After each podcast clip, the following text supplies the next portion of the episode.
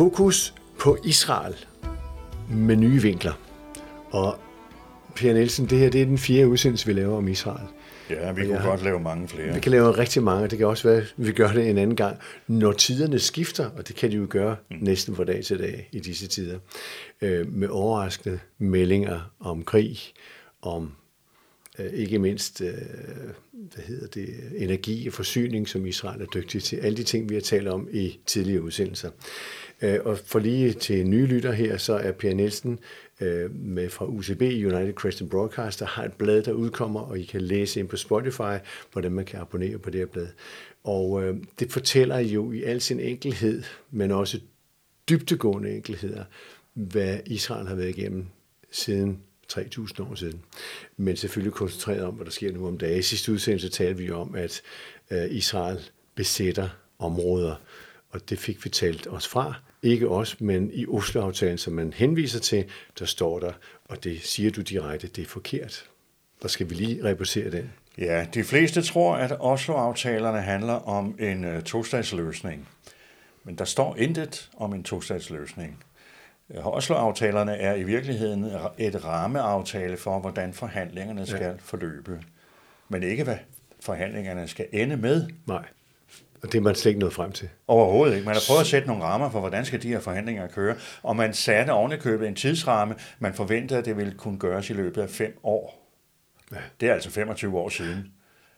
Så, uh, så, så, så når, når befolkningerne i verden i dag, ikke mindst i de vestlige verden og i Europa, siger, at Israel besætter områder, så er det forkert. Ja og nej, fordi øh, det første spørgsmål, jeg vil stille, det er, kan man besætte sit eget land? Hmm. Besætter Danmark Jylland? Hmm. Det vil de fleste jo nok sige, nej, det gør vi ikke. Og det, det gør vi jo heller ikke. Og, og, og hvis vi kigger på international lov, så er Palæstina jødernes land. Det er, ikke, det er ikke en eller anden religiøs forståelse.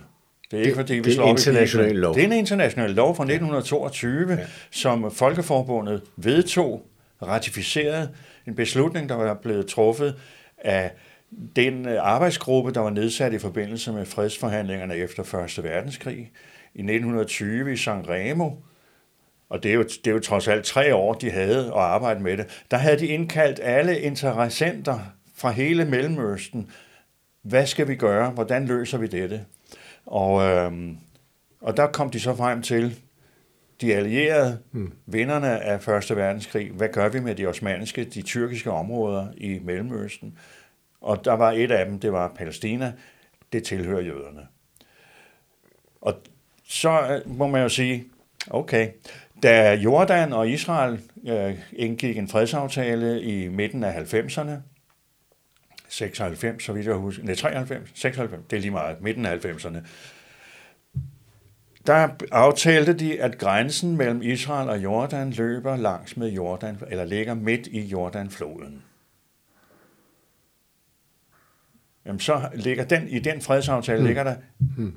hele landet er ja. Israel. Ja. Punktum. ja, der er ikke mere at sige der. Nej. Og, og hvis man vil vide lidt mere om de her forhandlinger, der også foregik der i 20'erne, 30'erne og 40'erne, så kan man lytte på udsendelse 1 og 2, hvor du gennemgår det i meget klare detaljer, hvor man kan se, og man kan læse sig frem til det. Øh, når nu vi så går op i tiden i dag, det har vi jo forsøgt at gøre nogle gange, og så kigger ja. på både FN og Europa og EU, hvordan kigger vi på Israel, hvad er det for nogle aftaler, man forsøger at etablere, som aldrig bliver sådan noget desværre. Øh, det handler både om forsyninger, det handler om fredsaftaler og mange andre ting. Øh, så skal vi bare lige kort berøre Jerusalem. Alle taler om Jerusalem og en ambassade der. Men det er der nogen, der ikke vil have, fordi jamen, Jerusalem er jo ikke Israels.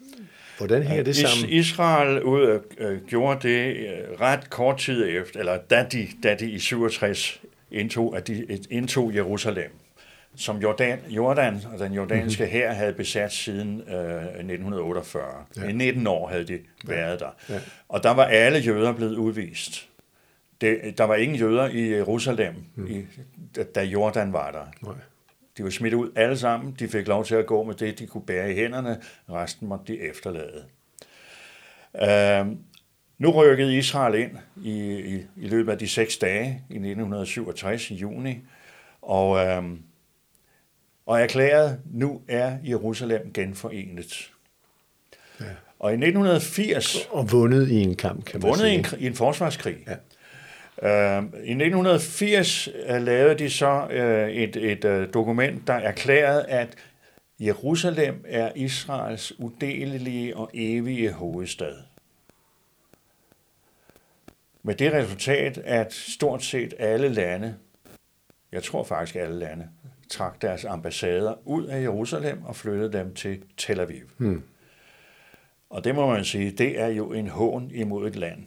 Tænk hvis, at nogle ambassadører i Danmark siger, nej, nu vil vi ikke mere være i Kongens København eller i Dronningens København, vi flytter til Aarhus.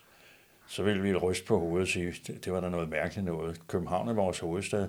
Hvis de vil tale med en minister eller have foretrædet for en embedsmand, mm, mm. så må de komme til København. Vi tager ikke til Aarhus for at snakke med dem. Men det er jo ideologi, der styrer det her jo. Ren og skær, det er det. Man, man, vil, ikke, man vil ikke anerkende uh, fra internationalt hold, at Jerusalem er Israels hovedstad. Uh, og uh, det har skabt mange forviklinger. Uh, der har været uh, håndbøger og leksika, hvor man skriver, at hovedstaden i, i Israel hedder Tel Aviv. Men Tel Aviv har aldrig været Israels mm. hovedstad. Mm.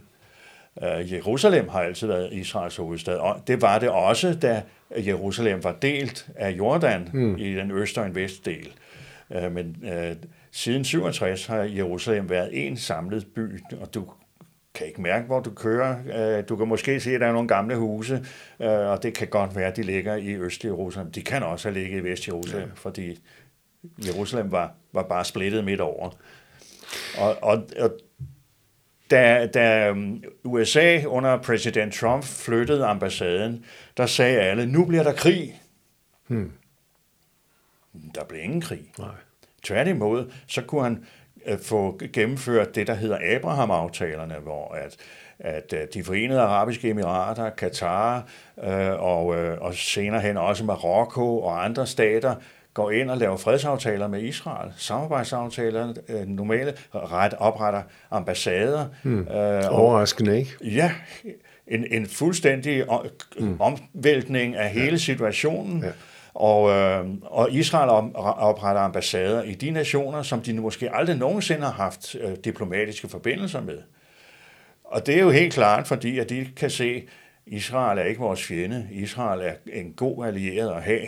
Og de har jo så en fælles fjende, det hjælper jo altid. Øh, min fjendes fjende er min ven, er der et gammelt ordsprog, der siger. Og det er jo, det er jo Iran og Teheran og hele præsteskabet derovre. Men det er en helt anden sag, øh, som i øvrigt godt kan ende med at blive meget mere ubehageligt, end, end det vi har kørende med Putin i øjeblikket. Fordi Iran ønsker at komme tilbage og besætte jo rent faktisk Israel. Deres ønske er at udslette Israel, ja. og det siger de åbent. De siger det oven købet på FN's talerstol, uden at der er nogen, der griber ind, fordi FN's øh, øh, man, øh, traktaten siger, at øh, det er kun lande, der vil leve fredeligt med hinanden. Og så står der en mand fra øh, Teheran og siger, at vi vil udslette Israel, og der er ikke nogen, der løfter et øjenbryn. Og udslette betyder sådan set også at besætte det. Det vil de helt sikkert ja. gerne. Uh, de, de er jo meget til stede i, i resten af Mellemøsten, ja. eller en del af Mellemøsten. I Syrien er der mange uh, uh, af den, uh, hvad hedder det, revolutionsgardens ja. uh, folk. Uh, I, uh, i, I Libanon ville uh, Hezbollah ikke kunne køre uden den støtte, de får fra, uh, fra Iran. Og der er store dele af, af Nordafrika, hvor at de er med til at skabe uro. Og der er der jo så nogle stater, Jordan, Saudi-Arabien og andre af de arabiske stater, som siger, vi skal ikke have noget udstående med Teheran. Vi er nødt til at, at sikre os, og vores bedste sikkerhed, det er ikke USA. Det har de jo kunne konstatere. De har set, hvad der skete i Afghanistan, og så tænkte de, det der skal vi ikke hmm. ud i. Hmm. Uh, vi bliver nødt til at sikre os selv. Den bedste sikkerhed, vi har, det er Israel. Så det er det, der sker i øjeblikket? Det er det, der sker rent politisk, storpolitisk i øjeblikket. Ja. Og, og bare lige for at runde af med Iran, de udvikler jo også våben. De vil jo meget gerne ja. udvikle en atombombe, ja. og efter de oplysninger, der er tilgængelige i dag, så kunne de i dag i løbet af ganske få dage eller få uger lave en 35 kilos bombe, atombombe. Hmm. Øhm, og øh, de har stof nok til at kunne lave en på 56 kilo, men det tager så sandsynligvis et par måneder øh, for dem. Så det er en alvorlig trussel? Det er en rigtig alvorlig trussel.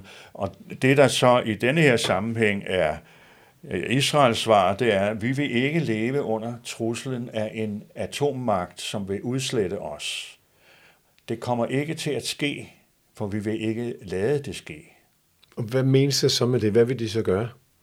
Ja, det er jo et godt spørgsmål. Vi ved uh, fra, fra uh, efterretninger, at uh, de har allerede haft F-35 fly ind over iransk territorium, uden at de russiske radarer og de iranske radarer opdagede dem. Mm-hmm. Og de har ombygget deres... Uh, hidtil har man jo sagt, at Israel kan ikke komme frem til de steder, hvor at, uh, at de her... Ja, værkerne ligger. Hvor de ligger. Ja uden at de skal have noget øh, tankning i luften og alt muligt.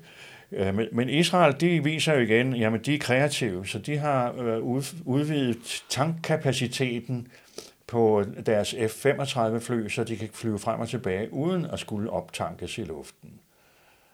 Og de har så også fået lavet aftale med Saudi-Arabien og andre lande, at de kan flyve over deres territorium.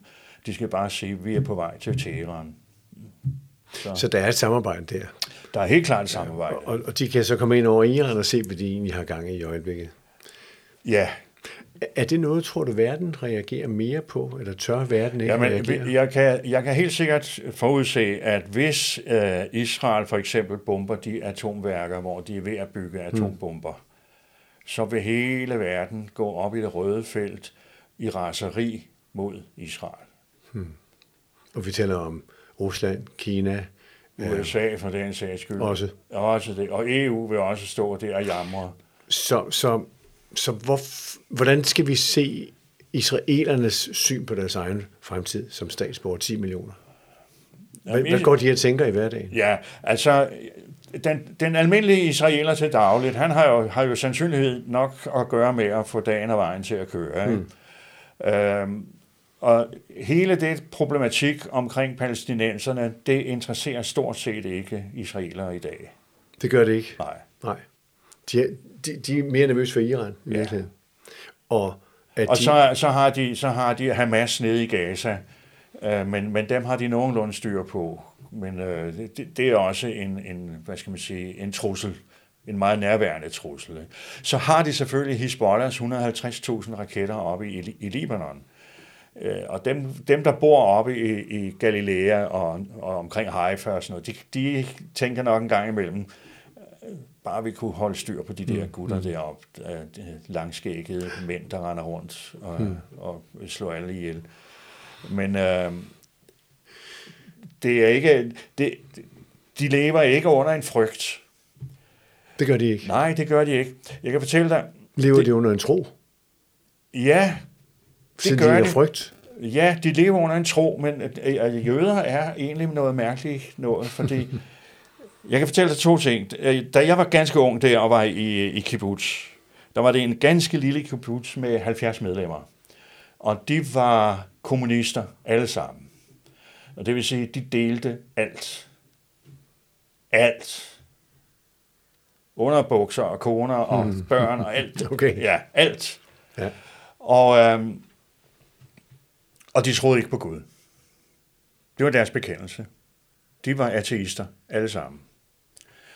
Når det så blev fredag aften, så vi spiste jo over en, en spisesal, hvor der hang, der var ikke aircondition, der hang nogle store øh, propeller op i luften, mm-hmm. som flyttede luften. Det var alt, det var, det var det, der var. Fredag aften, der begynder sabbat. Og den begynder øh, på et eller andet tidspunkt, hvor at den første stjerne kan ses på himlen. Så slukkede de for ventilatoren. Så blev der helt stille i spisesalen.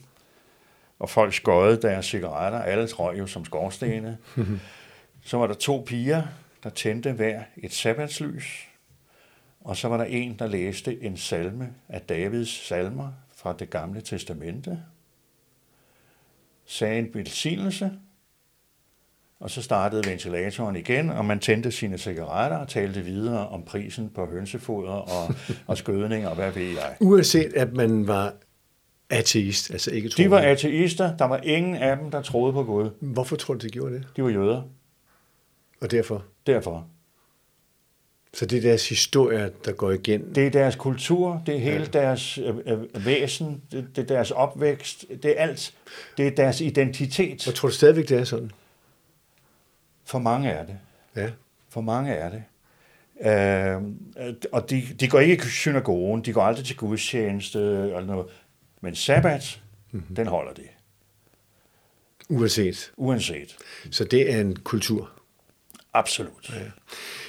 Så, så på en eller anden måde, så siger du, at de tror på, at der er en fremtid på trods af alle truslerne? Ja, det gør de. Um, de er jo helt åbenbart de trusler. Ja, ja, Men deres ja. tro ja, gør, ja. siger, nej, der sker nok noget andet.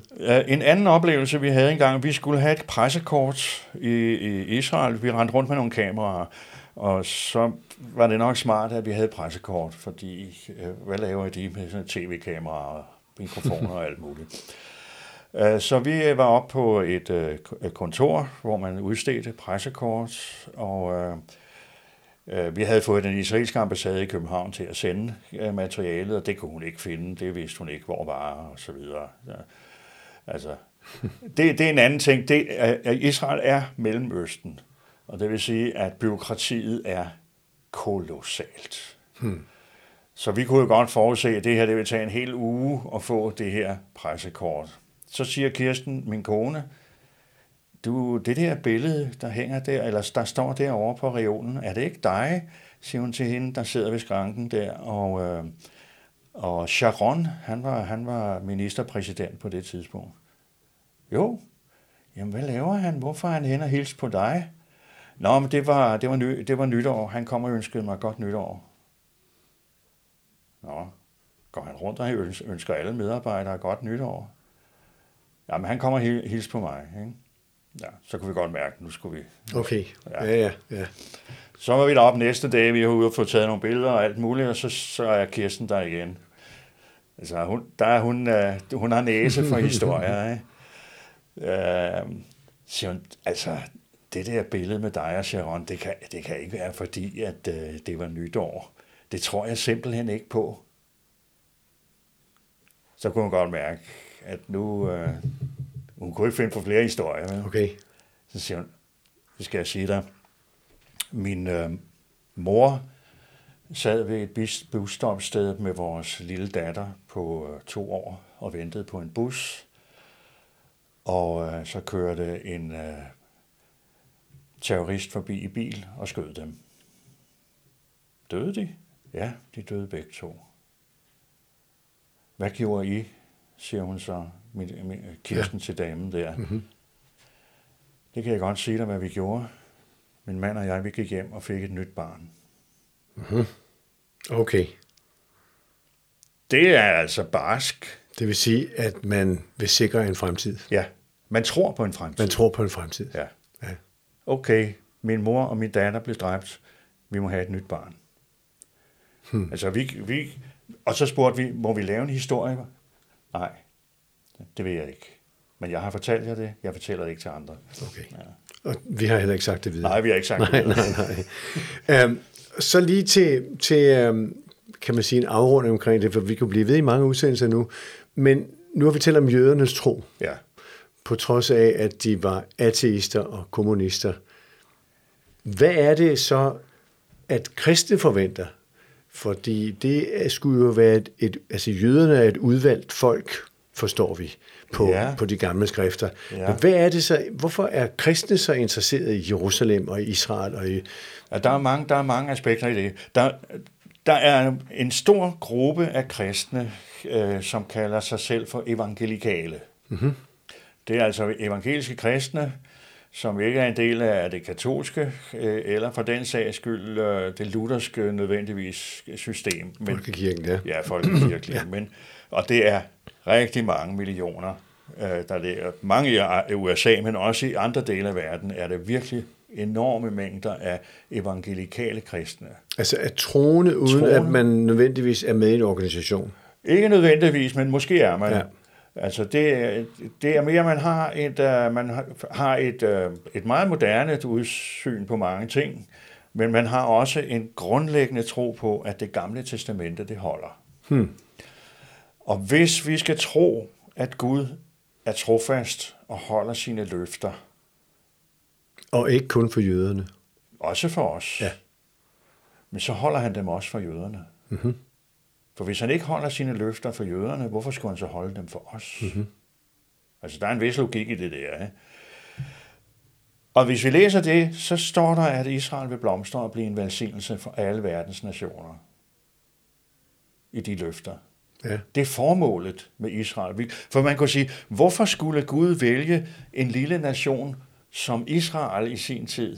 Altså, hvorfor, hvis, det nu, hvis man nu havde tænkt sig, hvorfor ikke en større? Hvorfor ikke alle kineserne? Der er masser af kinesere, ikke? Men det Hvorfor? er måske symbolet, at småt skal blive til stort. Ja, eller til stor velsignelse. Ja. Ja.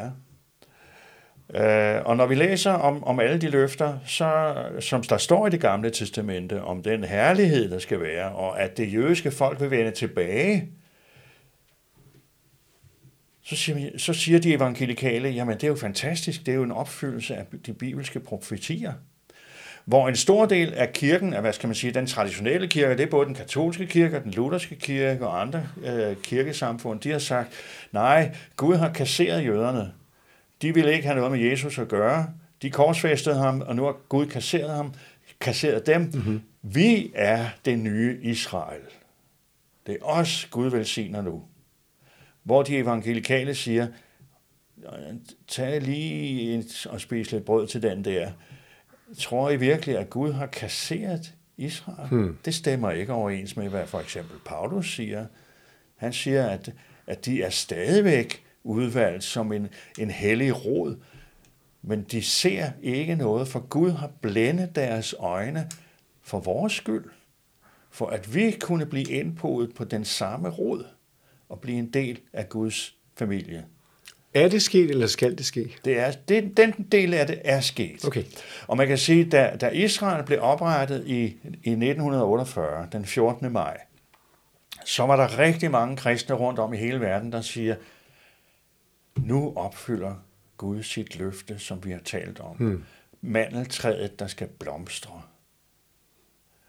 Og det passer så ikke med den teologi, som man havde på mange universiteter, der sagde, at Israel det er uinteressant. Det er menigheden, det er kirken.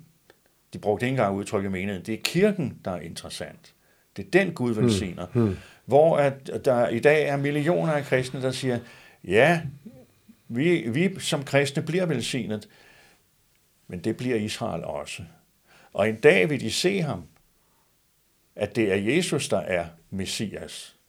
Og der er det jo interessant, hver, hver søndag står der, eller, eller siges der jo i kirkerne, og der er vel et sted mellem 100 og 200.000, der sidder i kirkerne i Danmark hver søndag, og siger trosbekendelsen, mm-hmm. hvor de siger, at de tror, at han er opfaret fra, fra de døde, opsteget til himlen, siddende ved Guds faders højre hånd, hvorfra han skal komme for at dømme levende og døde.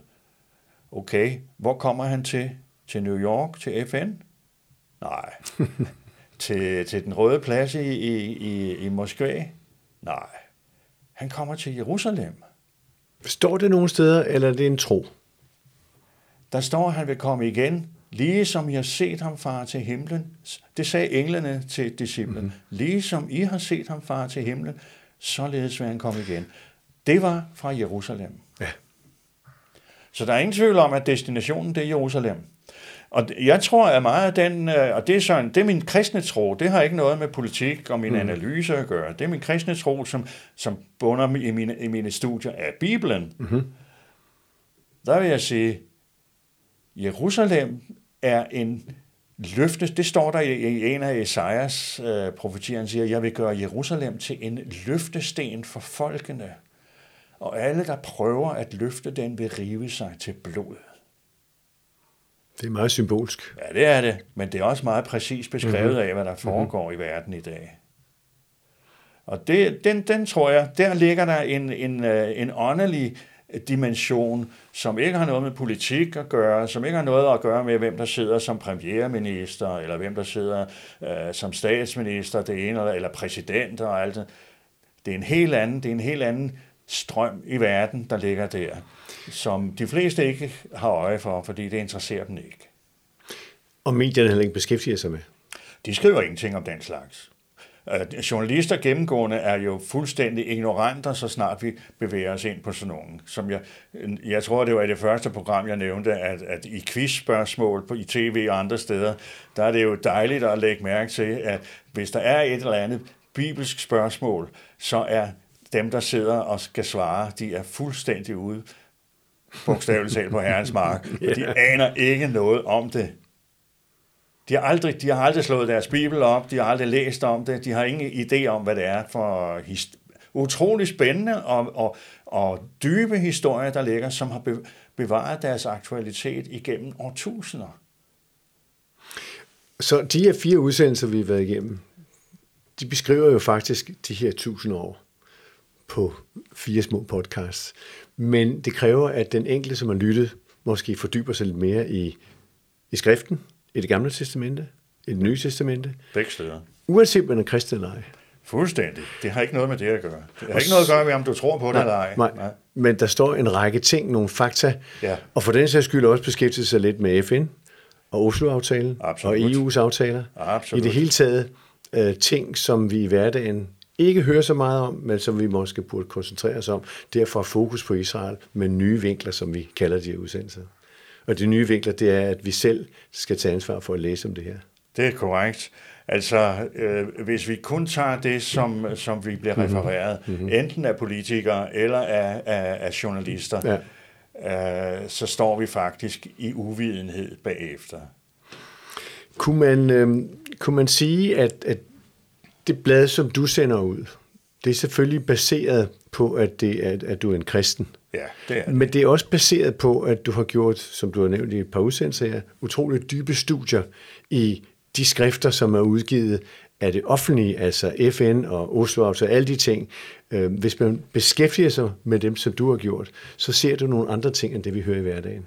Ja, det er, det er fakta, og øh, jeg, jeg har selvfølgelig interesseret mig for det, og derfor har jeg begyndt at, at sætte mm. mig ind i det, øh, og også blevet lidt rystet over, hvor, hvor fejlorienteret vi bliver mm. øh, i det daglige øh, af dem, som burde vide bedre. Og det blad, du udgiver, der er internationale artikler, der er oversat til dansk. Ja. Der er dine egne studier. Ja. Der er andre mennesker, som kommer med observationer, som ja. er nyt for os.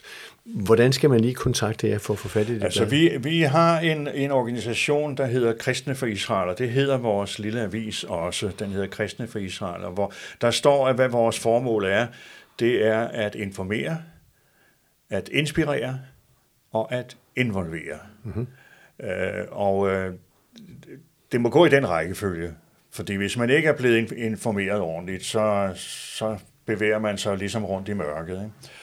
Og, øh, og det, der sender vi en lille avis ud, som øh, man frit kan øh, bestille. Vi tager ikke penge for den. Øh, vi, vi, vi sender, og vi tager, det hviler på frivillige gaver, det er for at sige det lige ud. Ja. Derfor kan vi for eksempel heller ikke få portostøtte på den.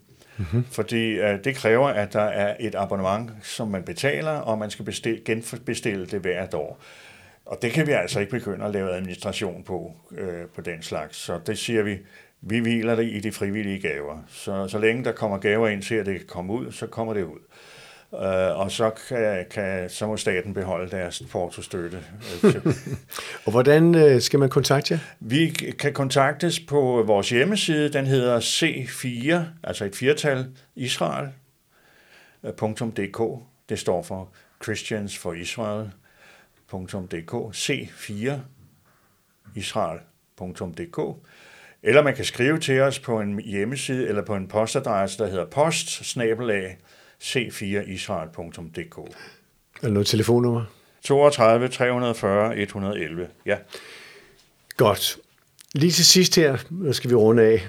Du har været i Israel rigtig mange gange, og du og din hustru tager stadigvæk til Israel, men tager også mennesker med derned nu på rejser. Det har vi gjort en gang imellem. Hvad er det for nogle typer af rejser? Er det så til Jerusalem og til kirker og til alt muligt andet? Ja, eller? altså vi besøger ikke ret mange kirker. Øh, det synes vi ærligt talt er uinteressant. Øh, historien bag dem er altid interessante, så, mm-hmm. så vi kan sagtens gøre det interessant at besøge kirker. Øh, men er, er det steder og mennesker, I møder? Det er det, vi vil. Vi vil, ja. møde, vi vil ud og se landet, vi vil ud og se de mennesker, vi vil møde de mennesker, vi vil tale med de mennesker, vi vil møde dem der, hvor de er, opleve deres hverdag, øh, også gerne besøge steder, hvor øh, man normalt ikke vil tage hen, for eksempel... Øh, øh, universiteter, hvor vi kunne snakke med nogle folk, eller militære afdelinger, hvor vi kan tale med nogle af de øh, generaler, der øh, uddanner det, folk. Det kan I godt få aftale om? Det kan vi godt, fordi øh, at, øh, vi har været der så mange gange, så de øh, har tillid til os. Og der får jeres medrejsende nyt syn på, hvad der foregår? Det øh, vil jeg da håbe. Øh, men det kan også være, at de får bekræftet nogle ting. Det kan jeg ikke. Altså, jeg prøver ikke at omvende nogen. Jeg siger bare, kom og se. Du har blandt andet nævnt noget langt ude i ørkenen. Ja, altså, vi har besøgt mange steder ude i ørkenen. Øh, en, en ting, som jeg selv tog ned for at se i år, vi har jo ikke kunnet rejse til Israel i to år, men jeg læste om en uh, palme, som de kaldte Methusalem. Mm-hmm. Og det var en biolog, en kvinde, der arbejdede på Hadassah Hospitalet med uh, naturmedicin og med bevarelse af planter, for at vi kunne bevare de egenskaber, som der er i naturen. Som jorden har givet os. Netop. I stedet mm. for, at vi skal lave en hel masse kemi, hvorfor ikke bruge det, der gror af sig selv? Så en dag læser hun, at uh, i 1963, det er jo en del år siden, der var der en, uh, en arkeolog, der udgravede Masada. En stor borg ude i ørkenen på en klippetop, som Herodes den Store havde bygget og som romerne så ødelagde, da celoterne, en gruppe jøder, havde, havde kapret borgen og slået sig ned der og levede et fuldstændig, hele deres samfund, de levede som en landsby oppe på toppen. Mm, og det kan man stadigvæk se. Den er der stadigvæk, og det er fantastisk at mm. komme op op. Mm. Men øh, det kan godt være varmt. Øh, så. Med den her dame? Ja, hun havde læst om det, og der læser hun så, at øh, de havde fundet en krukke, som ikke var slået i stykker, men som var helt intakt, og den var fuld af dadelsten. Og den havde de så taget med oppe fra Hamasada og stillet nede på et lager på et universitet, som de arbejdede sammen med, og der er den nu stået i over 40 år. Så hun gik i gang med at søge om tilladelse til at få nogle dadelsten, for hun ville godt undersøge, om man kunne få den dadel til at gro igen. Øh, og hun fik selvfølgelig afslag. Altså, det var en tåbelig idé. Ja. Så samlede hun alt det materiale, hun kunne finde om og, og bevarelse af planter og genopvirkning af planter. Der var nogle lotusplanter, som havde været uddøde, som man havde fået genoplevet. De havde fundet frø i en mose, eller hvad ved jeg. Og hun fik så overbevist ham, der var, havde ansvarlig for det lærer, at der var måske noget om snakken. Så hun fik en 8-10 dadelsten en dag, og så ringede hun til sin øh, en kollega, som boede nede i ørkenen på en kibbutz, der hedder Ketura, hvor de arbejder med bæredygtigt landbrug, mm. grøn, øh, alt, alt hvad der ude, der ude i ørkenen. Hvad verden er behov for. Ja. Og så siger hun, ved du hvad, jeg har fået nogle dadelsten, vi skal prøve at få dem til at gro igen. De er tilbage fra, øh, da romerne ødelagde Masada. 2000 år. Hmm. Og så svarer hendes kollega i telefonen, ej, det er umuligt. Hmm. Nej, siger hun, det er usandsynligt, men ikke umuligt. Okay, så de gik i gang. Hun får de sten ned på til kibbutz, og hun sætter dem i noget... Øh, hun lægger dem først i blød, så de, kan, de er jo stenhårde efter 2.000 år i ørkenen. så hun lægger dem i blød i sådan nogle øh, forskellige opløsninger af midler, der skulle også kunne være med enzymer og ting og sager. Og da det ligesom er blevet bløde, så planter hun dem ud i noget ren jord, sætter dem i et lille drivhus og går og kigger på dem. Og det er i 2005, hun gør det. Og så kigger hun til dem hver anden dag, om der sker noget. Og en dag, så er der en lille spire i en af krukkerne. Nu var hun derude hver anden time, hmm. døgnet rundt, for at se, hvordan den lille plante havde det. Hmm. Og så satte den et blad, sådan lidt gråt og kedeligt, satte den et blad mere lysegrønt, så vidste hun, den hmm. lever. Der var liv i, ja. Og efter et stykke, efter nogle år, så hun sat den ud i kibbutzen, og de gav den navnet Methusalem, fordi det var en gammel sag, den var 2000 år gammel. Og de fandt så ud af, at det var en han. Øh, dadelplanter, det er han og hun, de er kønnede. Øhm, og der er kun to køn. øh, og så, øhm, var det jo lidt, fandt de ud af, at det var lidt ærgerligt. En han kan jo ikke sætte dadler. Han laver jo kun... Øh, øh, Olie. Ja, men når, han, han, laver, ja. han laver kun, så de, han kan befrugte de mm-hmm. andre hundplanterne. Ja, ja. Så han, han, øh, ham kan de jo ikke dyrke dadler på. Så nu spurgte de igen, kan vi få nogle flere, fordi det, desværre det er en han. De fik 15 lige med det samme. Og der fik de så to, de fik fem af dem til at gro. De tre af dem var hanplanter, men de to var hundplanter. Den ene kaldte de Judith, og den anden kaldte de Hanna. Mm-hmm. Og det er jo gode bibelske navne.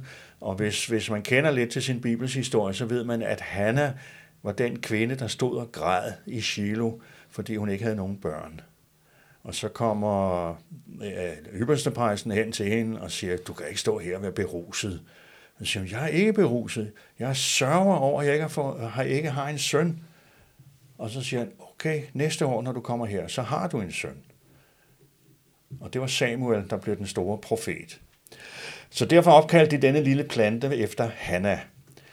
Og i år var jeg dernede for at se både Methusalem og Hanna. Og Hanna stod propfuld med dadler hmm. derude i ørkenen. Hmm. Så de har nu fået den judæiske palme. Og den judæiske palme var jo i, i antikken, tilbage der, da Israel faktisk blev udryddet af romerne, var et symbol på Israel. Øh, den romerske kejser lavede en mønt, hvor der stod Judæa capta. Det betød, at Judæa er besejret. Mm-hmm. Og der var der et billede, eller præget ind i mønten, en palme. Det var den judæiske palme. Så var der en romersk soldat, og så sad der en kvinde ved siden af og græd. Og så stod der Judæa capta. Men det blev han jo lidt til grin af, fordi hvorfor blev de ved med at sende soldater derover til Judæa, når, når de var besejret? øh, og ude i ørkenen for Masada og sådan noget. Det kunne da ikke være, der var ikke meget sejr i det, når de skulle blive ved med at sende soldater afsted, øh, fordi jøderne var ikke besejret. Og det er de heller ikke i dag. De er der stadigvæk, og den judæiske palme er der også. Så med de her ord kan man sige, at miraklernes tid er ikke forbi. Miraklerne, de sker for vores øjne. Og derfor, hvis man fortsætter med at tro på det, som jøderne gør, at der er en fremtid, så er der en fremtid. Det er der. Og det står skrevet. Det gør det. Per Nielsen, det var en lang podcast, den her, men det var vigtigt, fordi nu er det op til lytteren selv at blive ved med at undersøge, måske få breve fra jer omkring de her øh, fund, som man får, for eksempel den her palme, og følge med i, hvad der ellers er tegn i tiden, til at vi måske kan få det bedre. Det er meget velkommen. Jeg vil meget gerne sende vores blad til dem, så de øh, en gang imellem kan få lidt oplysninger, der dør ned i materien omkring Israel. Så vi får fokus på Israel med nye vinkler. Det gør vi. Tak fordi du var med.